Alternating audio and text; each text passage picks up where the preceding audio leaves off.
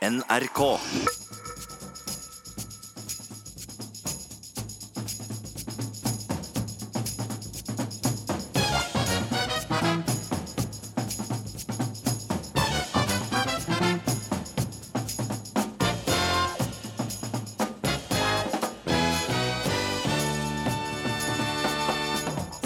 Norge bør boikotte OL pga. Johaug-saken, mener Halvard Flatland. Det er noe av det dummeste jeg har hørt, svarer VG-kommentator. Mange har gjort narr av Donald Trump, som så rett på solformørkelsen i USA denne uka. Jeg så på en solformørkelse da jeg var ti, og jeg angrer ennå, sier norsk kvinne. Og 20 år er gått siden lady Diana døde på flukt fra paparazzier. Gina Lende var superfan og føler fortsatt ubehag. Fordi hun ble jo drept av disse paparazziene. sant? Og så tenkte jeg sånn det var jo de paparazziene de tok jo disse bildene for sånne som meg, tenkte jeg. sant? Velkommen til ukeslutt. Mitt navn er Daniel Eriksen. Først skal vi til USA, der orkanen Harvey herjer. Det er meldt om sjeldent store regnmengder og vindstyrker opp mot 200 km i timen, og folk tar sine forholdsregler. Ready. We've got our food for almost a week now. We've got water. We've got everything we need. I morges skrev president Donald Trump under på en katastrofeerklæring, men nå har orkanen avtatt i styrke. Statsmeteorolog John Smits, hvordan hadde det føltes å stå midt på gata i Houston nå?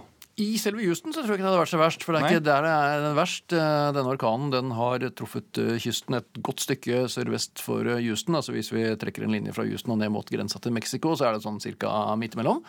Og de er ikke så kjempesvære i horisontal utstrekning, disse orkanene. slik at eh, i selve Houston så Det regner nok antageligvis, og er husteri og sånn, men det er ikke så veldig kraftig vind akkurat der.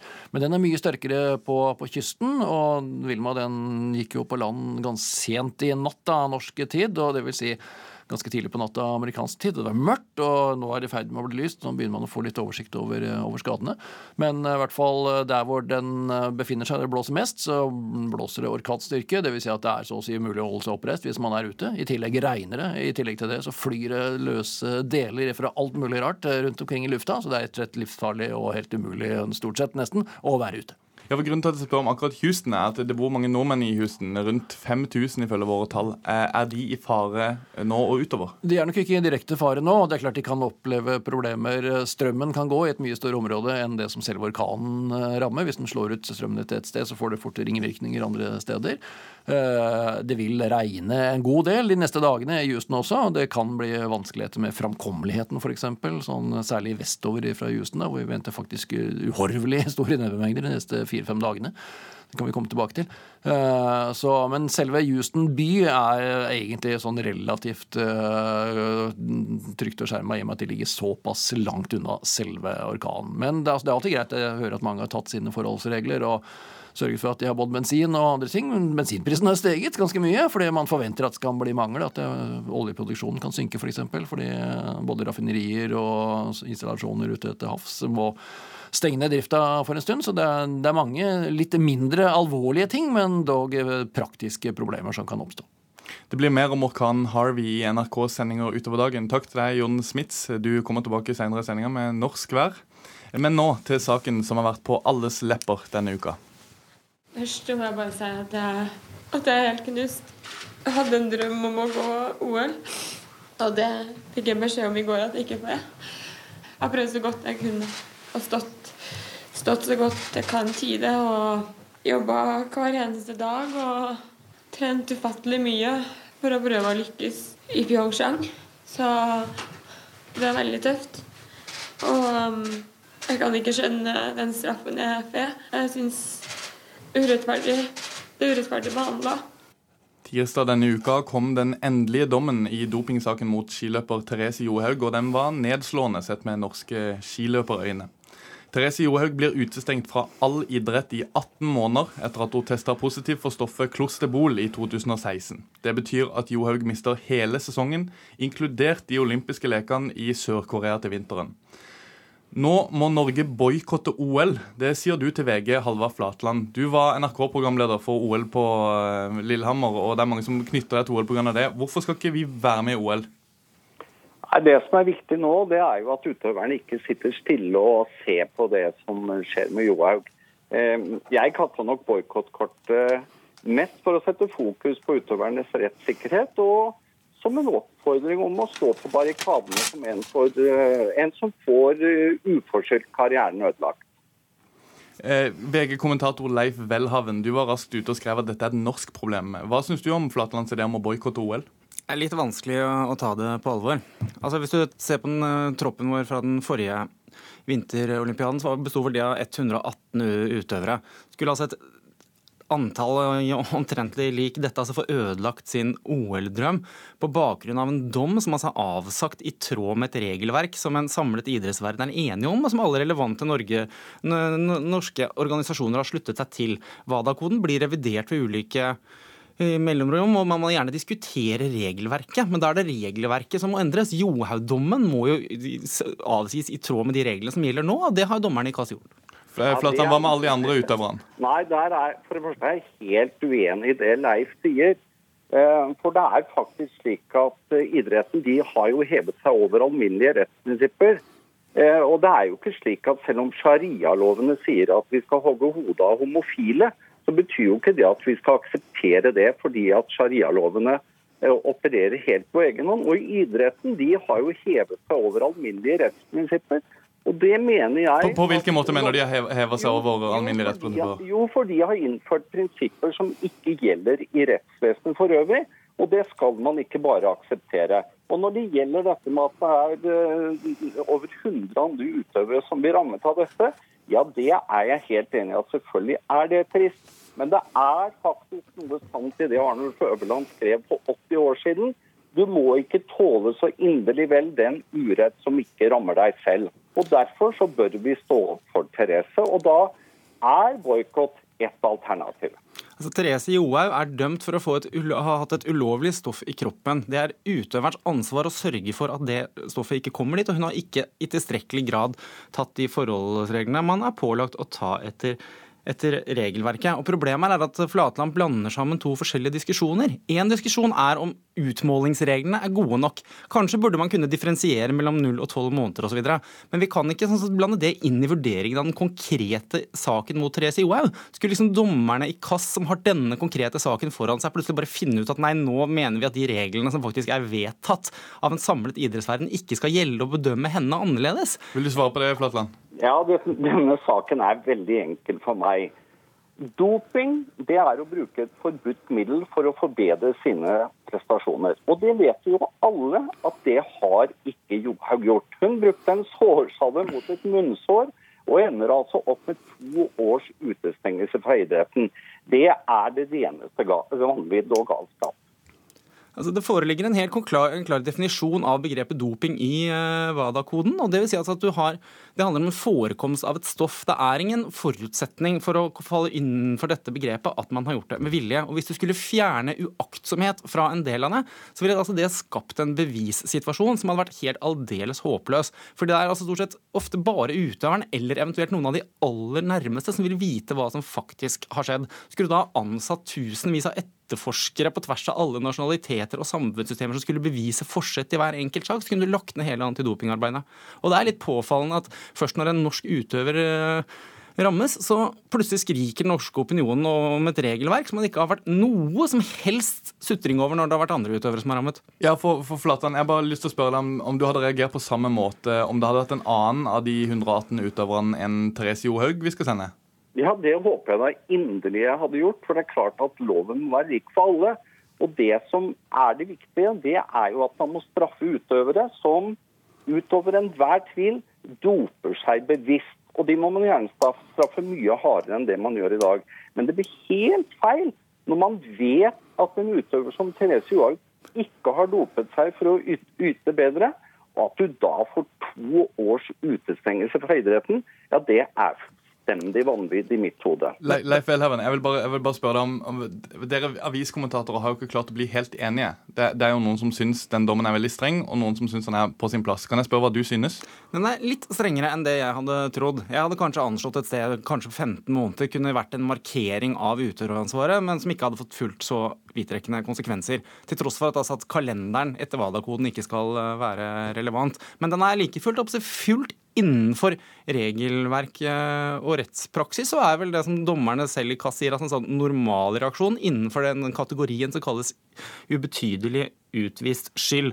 Og hele Poenget med utmålingsreglene er jo at der skal du differensiere mellom saker. og Hovedregelen for et stoff som klosterbol er fire års utestengelse.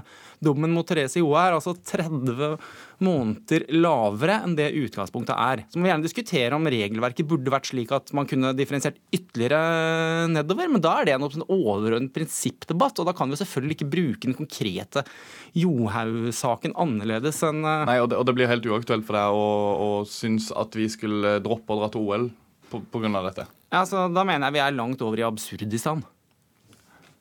Flatland, har du lyst til å svare på det? ja, jeg skjønner jo hva Leif snakker om. Og jeg, jeg, er jo for så vidt enig med han i at det vil være veldig trist om det er ikke norske utøvere i, i et OL. Men, men han, han, aksepterer altså de lovene som praktiseres i idretten i dag. Og det syns jeg er helt feil. At man skal bare si at ja vel, det er reglene i idretten, de må vi akseptere. Jeg aksepterer ikke sharialovene. Jeg aksepterer ikke at eh, opposisjonen i Kina blir forfulgt. Man er nødt til å reise seg, og så må man rope ut. Og man må rope ut ikke bare når det gjelder en selv, man må også stå på barrikadene når det gjelder andre. Vi takker i hvert fall for at begge dere to kunne være med. Halvard Flatland, der fikk du siste ordet, og takk for at du også kunne være med, Leif Welhaven i VG. Det blir mer Johaug i denne sendinga her. Vi har snakka med to norske utøvere som har opplevd å bli dopingtatt. Det skal vi høre seinere i sendingen. Husker du hvor du var da lady Diana døde? Torsdag er det 20 år siden bilen med den engelske prinsessa og hennes kjæreste krasja inn i en tunnelvegg i Paris, med paparazzier på slep. Folkeprinsessa rakk å gjøre et uutslettelig inntrykk på mange i løpet av sitt korte liv. Gina Lende er en av dem. Jeg husker jo bryllupet. Og det var jo i 81, og da var jeg eh, sju år. Og den dag i dag så syns jeg jo at den bryllupskjolen som hun hadde på seg, er det fineste på en måte som har vært. Gina Lende var ikke aleine om å bli betatt av den litt sjenerte 20-åringen som gifta seg med prins Charles foran en hel verden i 1981. Take thee, Charles Philip Arthur George. Take thee, Philip Charles Arthur George. To my wedded husband. To my wedded husband. Interessen for prinsessen skulle aldri dale. Også lille Gina måtte ha bilder av Diana. Jeg tror det er altså, utrolig mye utseende, faktisk. At hun er så pen. Altså, og så var hun jo i alle blader og sånne ting, så hun var jo tilgjengelig. Og så hadde hun Altså, jeg bodde jo født og oppvokst på Bryne. Eh, hadde jo ikke sånne damer rundt omkring. Hun hadde òg det at hun òg var en god person. Både god, utrolig pen, kjempefin mor. I feel my role is supporting my husband and whenever I can, and always being behind him, encouraging, and also most important thing, being a mother and a wife. Men ekteskapet blir ikke slik Diana forestilte seg. Se her. Her er det jo et bilde, en tur fra Vest-Tyskland. Da ser Diana trist ut, altså. Etter skilsmissen forklarer prinsessen at hun måtte dele Charles med Camilla Parker Bowles. Well, there were three of us in this marriage, so it was a bit crowded.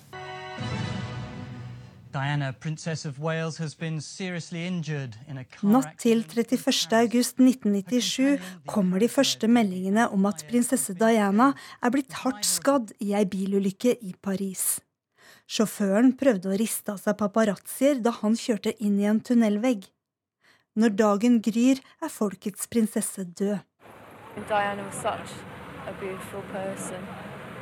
Britene kan ikke fatte at hun er borte. I still can't believe this is happening now. I don't think I'll believe it until I actually see her coffin. Dianas dødsfall gjorde stort inntrykk på mange, også her i Norge. Det var nokså uh, Hva skal jeg si uh, en sorg. Det var en fantastisk uh, kvinne, da. Det var jo et sjokk, egentlig. Hvorfor tror du hun var så betydningsfull for så mange? Jeg tror en del kjente seg igjen i henne. I henne.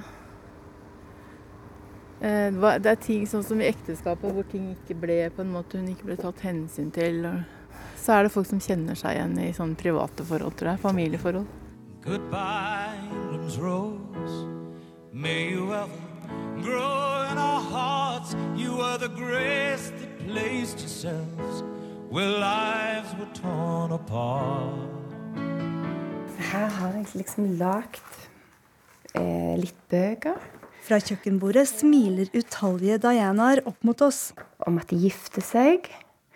Så er det at de eh, er på polokamp, og så skriver jeg om at Diana har på seg eh, på en eller annen fest og har på seg et eventyrsmykke. Det smykket likte jeg veldig godt.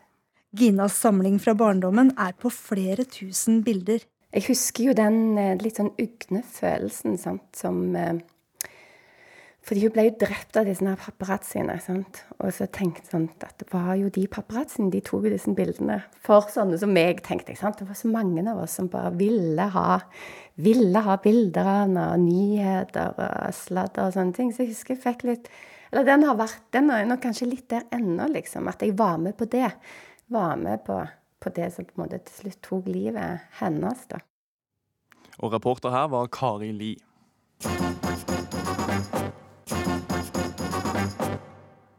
Denne uka kunne store deler av USAs befolkning få se den kraftigste solformørkelsen i landet på over 100 år. NRKs reporter Halvard Sandberg dro over Atlanteren for å få med seg begivenheten, og klarte nesten ikke styre sin begeistring da han var direkte inne i Dagsrevyen. Nå kan du begynne å se solatmosfæren rundt deg. Nå begynner det å bli skikkelig mørkt her. Nå forsvinner solen om noen eh, sekunder. Dette er, helt utrolig. Dette her har jeg tenkt på så lenge, hvordan det vil se ut. Nå, nå forsvinner solen, nå ser jeg stjerner. Og nå kommer det aller siste lille biten forsvinner herfra. Der er den! Oi, oi, oi. Oi. Oi, oi, oi. Her hørte vi den eh, begeistrede Halvard Sandberg, som fikk oppleve en ekte solformørkelse, noe bare én av 50 000 mennesker på jorden vil oppleve. Hvordan var det, Halvard? Nei, Det var akkurat som forventet, men helt annerledes. På hvilken måte? Nei, altså Det er overraskende annerledes. fordi at eh, Jeg visste alle enkeltkomponentene, men når du satte sammen det at det ble helt mørkt rundt deg, og at eh, det ble litt kaldere, og at eh, naturen liksom roet seg, og så kommer dette synet frem på himmelen som er liksom sånn Du har sett det på bilder og video, men når du ser det, når faktisk solen som du liksom har observert så mange ganger, og himmelen observert så mange ganger, plutselig er annerledes, du ser noe som du aldri har sett før. Det er omtrent som du går ut på gaten plutselig, så ser du biler som flyr. Altså sånn, altså du liksom Hva? Selv om du kanskje var forberedt på at biler flyr noe, så er det å se det, eller se en alien, eller eh, se en ku bli delt i to og beveger seg fritt etterpå, og sånt, det er så overraskende, selv om jeg var forberedt på det. Så det, det er en sånn hendelse som ikke kan eh, egentlig beskrives med video. Du kan aldri overføre det til publikum. De må være der. Det er litt synd, men eh, sånn er det, altså. Og det var overraskende Eh, sterkt inntrykk å faktisk eh, se det. Du var inne på noe da du hadde denne, denne liven her. For i den moderne tidsalderen så vet jo vi hva solformørkelser er, og hvorfor de skjer. Men hvordan var det her før i tida? Det må jo ha vært, Folk må ha blitt livredde? Folk må ha blitt livredde. Det var den tanken som slo meg også. At hvis du ikke vet hva som foregår nå, først at det blir mørkt, og så kommer den derre noe som du aldri har sett før. Altså, altså, at solen er blitt et svart hull, og rundt det svarte hullet så er det en sånn lysende atmosfære. Så det ser ut som et øye. altså Det ser ut som Gud det var sikkert en del profeter som brukte det som eh... Jo, men det er det igjen det at det skjer sjelden, og det skjer i begrensede områder. Slik at eh, du greier ikke å, å, basere en religion på det, fordi at det er ikke noe som alle i landet ditt har opplevd. Og selv om man kanskje kunne, man kunne forutsi solformørkelser allerede for 2200 år siden, de greide det i enkelte miljøer å gjøre det, så var det ikke utstrakt eh, kunnskap. Det var først på 1700-tallet hvor det liksom ble en virkelig en vitenskap. Slik at det for et steinaldermenneske å se det, det må ha vært en så formgivende opplevelse i livet. Og det må, det må liksom ha dominert eh, tankene til det mennesket resten av livet. Nå sier vi at det, det, er på en måte litt det samme, det er bare at du er ikke et steinaldermenneske. Men takk for at du kunne være med oss likevel, Halvard Sandberg. Vi skal videre, fordi solformørkelsen prega den amerikanske nyhetsuka denne uka. Men dagen etter var det nok en gang presidenten som hadde stjålet showet. Donald Trump valgte nemlig å se rett på solformørkelsen uten briller, stikk i strid med ekspertenes råd. Men vi vet jo hva Donald Trump syns som eksperter. Vi i Ukeslutt har i hvert fall behov for å finne ut hvordan det går med øynene til verdens mektigste mann, så øyeekspert Hilde Heger, hva skjer med øynene når man ser direkte på en solformørkelse? Ja, Da kan man få en brannskade på netthinnen, og netthinnen er jo den delen i øyet som uh, mottar synsinntrykken og sender det videre til hjernen. Man kan for så vidt få en brannskade selv om man ser rett på solen eh, og det ikke er solformørkelse. Men da er det jo så skarpt lys og så vondt at det gjør man ikke. Så det er jo det som er det farlige, at det er både så spektakulært at man har lyst til å se, eh, og at eh, det er mulig å se. Og da kan man altså få skader av ultrafiolette stråler som brenner i stykker netthinnen. Ja, hvor, hvor, farlig er dette? Fordi at uh, Man får høre fra eksperten at man skal ikke se på i det hele tatt. Uh, har Donald Trump egentlig skjønt det, om det er greit å se, se, opp et par ganger, eller er det farlig bare å se litt? Grann? Det er egentlig farlig å bare se litt grann, hvis man er uheldig og det treffer midt på det som heter den gule flekken, der hvor skarpsynet sitter. Og det er gjerne det det gjør når man fokuserer. Så får man en brannskade der, og da mister man eh, skarpsynet og kan ikke lese og kan ikke se på Man får bare tilbake gangsyn, da. Eh, man kan få varige skader, absolutt. Takk, eh, takk, for at du kunne være med oss, ekspert Hilde Heger. Fordi For noen er solformørkelser ramme alvor, og det kan gå ordentlig galt. Det gjorde det for deg, Dagny Løfall. Da du var 12-13 år, så du rett på en solformørkelse. Hvordan gikk det? Nei, jeg fikk en brannskade på venstre øye. Og den har du den dag i dag? Ja, den øka. Det, det Førstninga så virka det sånn at eh, den der skalken vi så, den så ut akkurat som når du blir blenda. Du så den hele tida etterpå. Jeg trodde det var noe som gikk over. Men den gikk aldri over. Og nå er det Det dekker såpass mye at jeg har mista 20% av sentersynet på det øyet. Har du noen beskjed til Donald Trump, som åpenbart ikke, ikke tar denne ekspertbeskjeden inn over seg? Jeg syns det var veldig rart at en sånn mektig mann som Donald Trump ikke tar ekspertenes råd nøye nok. Han øh, viser jo en veldig dårlig øh, forbilde da, for de andre. Da, tusen takk for at du kunne være med og fortelle din historie over her, eh, Løfald i Ukeslutt. Vi håper i hvert fall at eh, presidenten følger med og kanskje tar innenfor seg disse rådene. Og du hører på Ukeslutt. Det syns jeg du skal fortsette med, fordi vektløfter Stian Grimseth har gått gjennom det Therese Johaug opplever nå. Han husker godt da han fikk dopingbeskjeden. Og da smeller jo rett i kjelleren som da ja, da, da, var rett og slett alt rast i hop, og du, du skjønner ikke hva som skjer. Og folk blir syke etter å ha spist trendy hamburgere som ikke er godt nok stekt. Jeg tar sjansen på rosa burger fordi det smaker best, sier kommentator. Therese Johaug var offer for systemsvikt i støtteapparatet. Det mener tidligere vektløfter Stian Grimseth. Han er overraska over at Idretts-Norge ikke har lært mer av tidligere dopingsaker. I 2000 hadde 28 år gamle Grimseth ankommet Australia for å delta i OL i Sydney, men på mesterskapets første dag fikk han sjokknyheten om at han hadde avlagt positiv dopingprøve. Jeg hadde vel gått og lagt meg om kvelden. Jeg hørte treneren fikk en telefon da litt over midnatt. og De prata en stund, og så banka det på døra. Og da, eh, da, kom han inn og kunne fortelle han hadde hatt telefon fra Bjørge Stensbøl, og at det her var ei positiv dopingprøve. Den telefonen endra alt for Norges medaljehåp i vektløfting, Stian Grimseth. Det skulle komme til å bli ei av de store dopingsakene i norsk idrett, og det skulle få store konsekvenser for livet hans. Ja, det var jo et fullstendig kaos eh, som idrettsutøver. Når du har trent mot et OL i åtte år og er i ditt livsform, så er du ekstremt eh, ja, høyt lada. Eh, der er mye positiv energi og glede og humør, og selvfølgelig nerver og spenninger der. Og, Og, så, så, det er på en måte på topp, både fysisk og mentalt. Og, og, det smeller jo rett i kjelleren som da Ja, det var rett og slett alt rast i hop, og du, du, skjønner ikke hva som skjer. Du har jobba nå i åtte år for å, for å selvfølgelig prestere, men òg å vise at det går an å prestere eh, i en idrett som vektløfting og supertungvekt uten å dope seg. Og så er du plutselig midt oppi det, uten å ha den ringeste idé om hva som ligger bak. Grimseth testa positivt på nandrolon.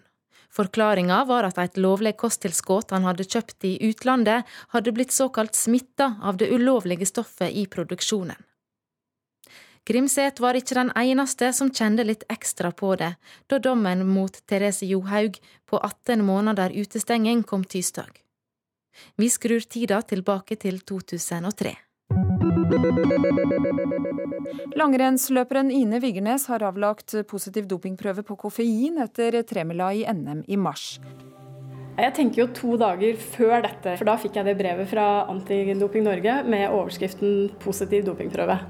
Og da, da, blir det jo svart, og bena knakk under meg. Men, men, samtidig, det tok ikke veldig lang tid. Altså, det var noen få minutter, så så klarnet hjernen min, og så tenkte jeg at dette må, må, jo gå bra. Jeg har jo ikke gjort noe galt. Jeg har drukket jeg har rundt fire kopper kaffe. Eh, jeg sto utenfor landslag, og jeg hadde jo full kontroll på det jeg hadde hatt i meg. I 2003 ble Ine Vigernes den første norske langrennsløperen som avla ei positiv dopingprøve. Hun hadde for høye verdier av koffein. Når du skulle skrive ned sånne medikamenter, så har jeg jo aldri noe. Jeg spiser jo ingen piller eller kosttilskudd. Men jeg sa jeg drakk jo kaffe i dag, da. Og da husker jeg de lo lenge og vel, de Antidoping-Norge-menneskene. Så jeg må nesten spørre deg om ja. du vil ha kaffe? Jeg vil gjerne ha litt vann, jeg tror jeg. Vann, ja. Vigernes ble frikjent og kunne ikke klandres. Nå mener hun Johaug-saka vitner om at utøveransvaret er dratt veldig langt. Jeg tror mange som har lest dommen, virkelig forstår hvor stort eh, og hvor langt det er strukket. Eh, jeg har jo bare min opplevelse av utøveransvaret som ble strukket helt i det ekstreme, i og med at eh, jeg selv hadde en doktorgrad og dukket ned i medisinske journaler og leste om hvordan koffein blir nedbrutt i lever, spesielt da hos kvinner. Og opplevde jo at det visste jo ikke FIS medisinske komité, ei heller IOCs medisinske komité. Og når de da etterpå kommer og beklager at jeg måtte gå gjennom det fordi de ikke visste om det, så, så er det å strekke utøveransvaret altfor langt. Og Vigernes ble frikjent.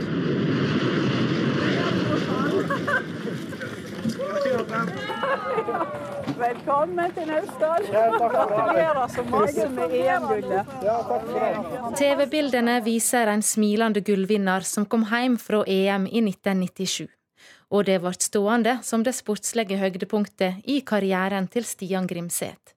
For etter dopingsaka kom han seg ikke tilbake i toppen. Han er svært overraska over at Idretts-Norge ikke har lært av tidligere feil og saker som hans. Nei, Jeg, jeg syns det er veldig merkelig at, eh, at, sånt kan skje, spesielt i et forbund som Skiforbundet. Og At ikke en skal, skal, klare å ivareta sånne ting, da sier meg at en, en har ikke fokus på det. Eh, og i mitt hode, iallfall den perioden jeg jobba i, Vektløfterforbundet, så var det jo dette som jeg mener er jo noe av det elementære og viktigste en faktisk må jobbe for. At ikke dette skal skje med, med sine utøvere. Sånn at jeg, jeg er svært overraska over at uh, Skiforbundet ikke har rutiner på sånt. Og det, det er et uh, ledingsansvar. Mm. Jeg mener det er en systemsvikt uh, når en lege kan skrive ut et, et produkt av den typen der alene uten å ha en annenhåndskontroll. Vi vet det har skjedd før at det har blitt gjort feil, og det kommer til å skje feil igjen. Johaug-dommen er den andre i norsk langrenn på bare to år. For litt over ett år siden fikk Martin Jonsrud Sundby sin dom, etter at det ikke var søkt om fritak fra en astmamedisin han rettmessig kunne bruke. Det er nesten umulig å godta det utfallet. Um, jeg mener at det er en totalt urimelig dom som nå faller på meg for en misforståelse av et system i det medisinske støtteapparatet. Ja, altså I løpet av da 2016 og 2017 så har våre to beste skiløpere fått fellende dopingdommer. Og hvis vi hadde fått greie på det i 2015, at det kom til å skje, så hadde vi bare sagt skrekkscenario. Det kommer ikke til å skje. Og eh, altså Skiforbundet er jo arbeidsgiveren til både Therese og Martin, som nå har to fellende dopingdommer. Eh, og det er jo spørsmål om de er profesjonelle nok til å håndtere det systemet og de rammene som er lagt omkring. F.eks. på antidopingarbeid. Jeg har sagt at jeg vil ikke gi meg før jeg kan stå på start. Og um, jeg står fortsatt for det her jeg sitter nå. Men uh, jeg vet ikke hvordan motivasjon og hvordan det mentale vil bli i tida fremover. Både Stian Grimseth og Ina Vigernes lever godt med sakene sine i dag, og kjenner seg helt reinvaska. For Therese Johaug, som har sagt hun vil komme tilbake, har de følgende råd. Mitt beste råd til Therese nå er å fortsette det gode treningsarbeidet som hun har uh, jobba mye med i mange år og hatt gode resultat av. Og, eh, og, rett og slett eh, ta seg fortsatt tid til å være smart og lytte på kroppen. At ikke blir så ivrig at en, at en bare pøser på og pøser på. Så uh, lytte på kroppen og, og gode folk rundt seg. Gode venner, nære venner, sterk kompetanse. Og så må hun ha noen som ikke bare klapper på ryggen, men som utfordrer henne hver eneste dag. Langrennssjef i Norges Skiforbund, Vidar Løfshus, sier dette til kritikken om at Johaug er offer for systemsvikt og i støtteapparatet og organisasjonen. Nei, jeg skal jo si at uh, Vi kunne alltid hatt bedre systemer, bedre rutiner og bedre kontroll. Og kanskje unngått den situasjonen som oppstod. Men uh, vi har i hvert fall et eh, veldig veldig solid antidopingprogram. Antidoping er noe som en utøver, en toppidrettsutøver arbeider med hver dag. Eh, alle rapporterer i et rapporteringssystem til FIS og et rapporteringssystem til Antidoping Norge, der de hver dag rapporterer i forhold til hvor de er og hvor de har en eh, møtetid hvor kontrollører kan møte dem. Så Antidoping har vært flere ganger til stede på, på samlinger og i regi av Norges Skiforbund. Det å si at vi har eh, neglisjert eh, antidopingarbeidet, det blir helt feil. som jeg sier. Antidoping er de veldig opptatt av, og det tas masse prøver.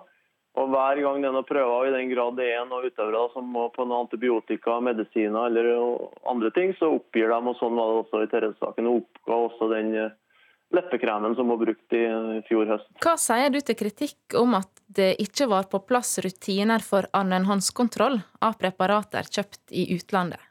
Ja, det er jo, Jeg skjønner jo det. For folk som eh, står utenfor, så er det jo vanskelig å fatte at det, det som virker som et enkelt grep, ikke ikke var på plass. Eh, nå kom det jo en veldig god rapport fra, fra Roald Bar her eh, i vår, der de eh, har sett på medisinhåndtering i, i, i norsk idrett. Og det, det, som var litt spesielt der, da, det var jo at de, ja, de sammenlignet seg med bl.a. Sverige, Nederland, Storbritannia, Canada og et par land til.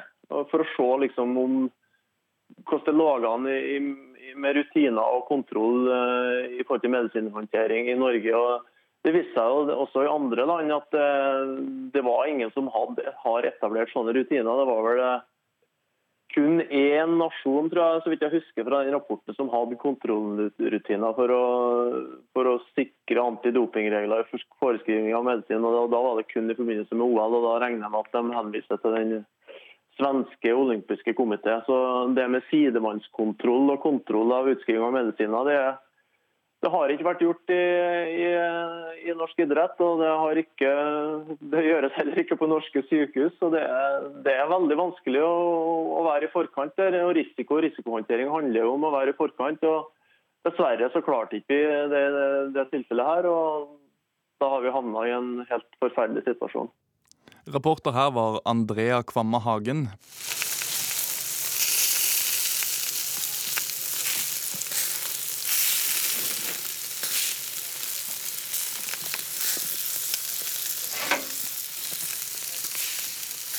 En god burger gjør godt i magen for mange, men for noen går det skikkelig galt.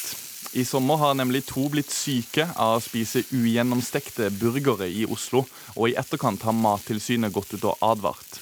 Men det stopper ikke det. Joakim Lund, kommentator i Aftenposten. Akkurat nå befinner du deg i Piemonte i Italia for å spise tartar, altså rått kjøtt. Er du ikke redd for å bli syk? Uh, nei, jeg er egentlig ikke det. Men uh, det er egentlig et godt eksempel. Da, for uh, altså, Piemonte er jo da kjent for å ha noe av den beste maten og vinen i, i, verden. Og en av de rettene de er mest kjent for, er carne cruda, som er rått kjøtt. Uh, og så drikker de Barolo uh, til det. Og hvorfor gjør de det? Det er jo ikke fordi at det er det aller tryggeste man kan spise. Det er ikke fordi alkohol er så utrolig sunt, men fordi begge deler er helt fantastisk godt. Så mat generelt er jo forbundet med risiko. Så er det mer eller mindre risikabelt og det er mer eller mindre godt. Og så må man bare eh, velge, da. Hvis man er eh, barn eller gammel eller har dårlig helse, så skal man kanskje være forsiktig med å spise rått kjøtt. Men mat, jeg Mattilsynet... er ingen av de delene. Unnskyld, ja. men Mattilsynet skriver at de, de, advarer. Undergraver du ikke de litt ved å skrive at du tar sjansen, og oppfordrer til å ta sjansen? Nei, altså Mattilsynet de kunne jo trekke nesa litt ut av risikoanalysen og se hva som faktisk står i den teksten. Det står at det er risiko forbundet med det, men et eller annet sted må man velge. da. Vil man ha veldig veldig bra mat, eller vil man ha mat som er helt helt trygg? Og Her snakker vi om altså to sykdomstilfeller i løpet av en sommer. Burger, altså Rosa-burgere er en kjempestor mattrend. Burgersjapper er i ferd med å bli like vanlig som sushisjapper i Oslo. Så det er mange som velger dette her. Eh, og når kanskje hundrevis, kanskje tusenvis av rosa burgere går over disk eh, hver dag i Oslo, at to stykker blir dårlige i løpet av en sommer, det, det, forteller meg at det er egentlig en veldig veldig liten risiko for å bli dårlig da. Yngvild Vassesson, du er professor ved Norges miljø- og biovitenskapelige institutt og skrev denne uka i Nosjonen at eh, Joakim Lund bare tøffer seg. Er det, er det så farlig at Joakim Lund spiser en litt halvstekt rosa burger? Joakim Lund må selvfølgelig få spise akkurat de burgerne han vil, men Joakim Lund har i dette en viktig rolle. Han er en matkommentator i en stor avis i landet, og han er en autoritet på området. Eh, og jeg syns Joakim Lund skriver veldig mye bra. Jeg ble litt sjokkert da jeg leste det han skrev om dette. fordi han, i kraft av den rollen han har, så gir han råd på bakgrunn av manglende kompetanse. Her snakker vi om en risiko for en veldig alvorlig sykdom. Og jeg syns Joakim Lund harselerer med denne risikoen. Vi skal huske på at risiko er delt opp i to elementer. Risiko er både sannsynlighet og konsekvens. Ja, i Norge så er det lav, veldig lav sannsynlighet for at vi blir smittet med denne bakterien. Vi har registrert få sykdomstilfeller. Men så er det de at de sykdomstilfellene som er registrert, og som oppstår, det er veldig alvorlige sykdomstilfeller. Og, og barn kan dø av dette. Vi har hatt tilfeller i Norge hvor barn har dødd av dette. Det er ikke morsomt med barn som dør. Det er ikke morsomt å bli så alvorlig syk at du må kanskje fjerne store deler av tarmen din. Det er ikke morsomt å bli så alvorlig syk at du får en så alvorlig nyreskade at du må annenhver dag til sykehuset for dialyse resten av livet. Det er ikke mye livsglede og livsutfoldelse i det. Og det er nettopp denne rollen til Joakim Lund, som en eh, selvoppnevnt for så vidt, autoritet på dette området, utfordrer. Hva han gjør på eget kjøkken, det bryr ikke jeg meg om. Og jeg er sikker på du har det kjempefint nede i Italia og nyter god mat og god drikke der. Uh, italiensk mat er jo helt fantastisk, men italienerne kan håndtere dette på en annen måte enn det vi gjør i Norge. Det er risikabelt å kjøre bil eller å fly. Eller vi, hvis vi snakker om mat, så er det jo ekstremt risikabelt å spise mye salt, sukker og mettet fett. Det dør nordmenn av i hundretalls og tusentalls uh, hvert, hvert eneste år. Og så tar de da den risikoen fordi at uh, de har glede av å spise mat som inneholder de tingene. Så Det er jo en, en, avveid eh, risiko hele tiden, og det er ikke min jobb å løpe Mattilsynets ærend og, og, fortelle folk at eh, risiko er, er, det eneste som betyr noe. Men til, Tillegger du Joakim Lund noen meninger når du sier at han, dette her handler om eh, barskhet og tøffe seg? Jeg syns han tar en uheldig rolle som en litt sånn bajas i, et, uh, i en sak som har med risiko for svært alvorlig sykdom å gjøre. Og Det syns jeg er uheldig at han gjør. Jeg synes Vanligvis han skriver mm. veldig mye godt, men her syns jeg han tar en uheldig rolle. Men du tillegger meg altså motiver for å skrive dette her, da. Eh, og da tillegger du samtidig en stor del av befolkningen de samme motivene. at man spiser den maten man gjør for å tøffe seg. Og Det er jo en veldig veldig rar eh, påstand. Hvor har du det fra? Nei, Jeg påstår ikke at folk spiser dette for å tøffe seg, men folk skal eh, spise den maten de selv velger. Og du var sjøl inne på det. Her skal man ta valg, og man skal ta valg på, på med et visst kunnskapsnivå. Og, jeg synes, og du formidler ikke riktig kunnskap i det innlegget ditt når du påstår at dette er en sånn magesjau som ikke er så bry seg med. Dette er ikke en alminnelig magesjau hvor du sitter to dager på do i diaré. Det kan mange greie, og det er ubehagelig nok når det står på, men det kommer de fleste over.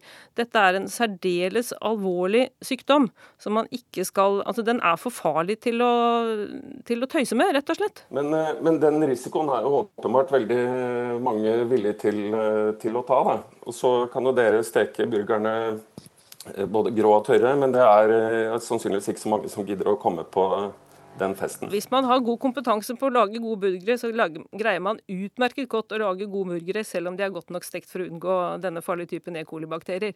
Det, det, er jeg helt sikker på. Men da ser du bare på risikobildet. De som har kompetanse på å lage gode burgere, de lager ikke grå, tørre, gjennomstekte burgere.